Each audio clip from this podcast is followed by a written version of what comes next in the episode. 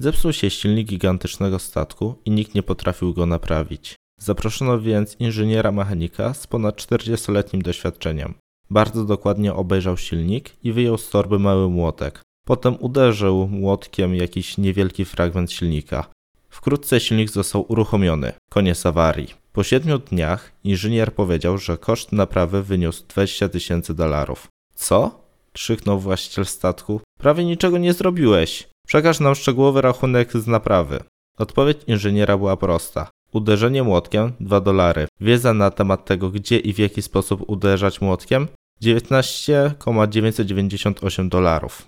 Ważne jest, aby doceniać własną wiedzę i doświadczenie, bo to wynik wielu lat zmagań, zmartwień, a nawet łez. Jeśli wykonuję specjalistyczną pracę w 30 minut, to dlatego, że spędziłem 20 lat ucząc się, jak to zrobić w 30 minut. Koszt pracy zawiera w sobie lata, a nie minuty. O ile to możliwe, nigdy nie sprzedawaj swojej pracy tanio.